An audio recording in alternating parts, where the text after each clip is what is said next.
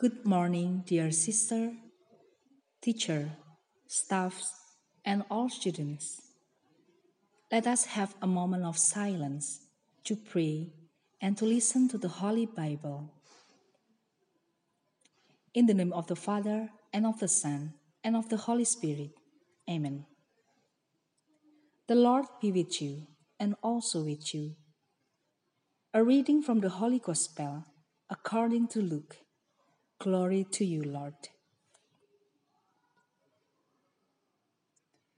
And he called the twelve together and gave them power and authority over all demons and to cure diseases. And he sent them out to preach the kingdom of God and to heal.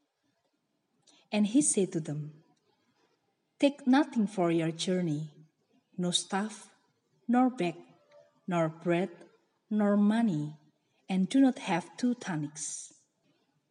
And whatever house you enter, stay there, and from there depart.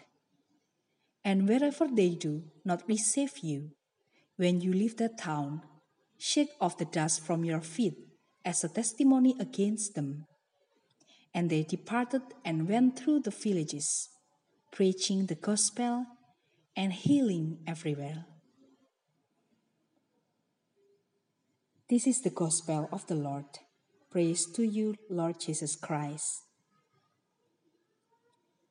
Sister, teacher, staff, and all students. How do you handle power and authority, both spiritual and temporal?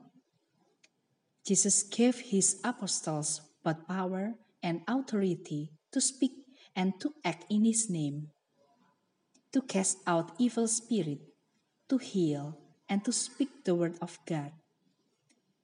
When Jesus spoke of power and authority, he did something unheard of. He wedded power and authority with love and humility.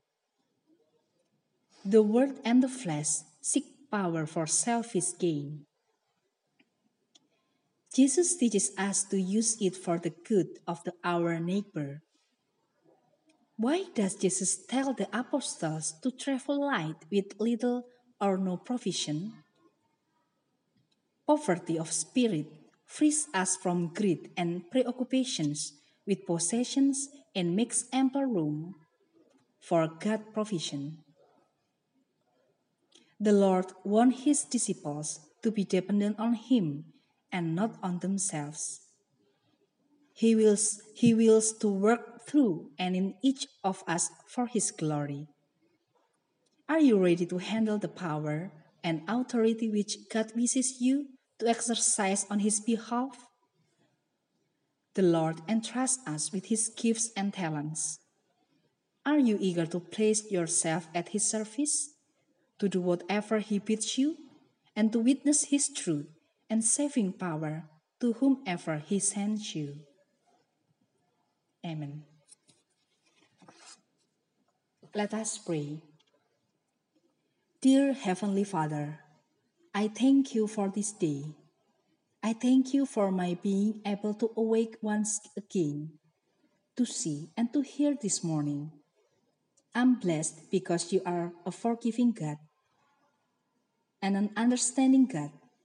You have done so much for me and you continue to bless me.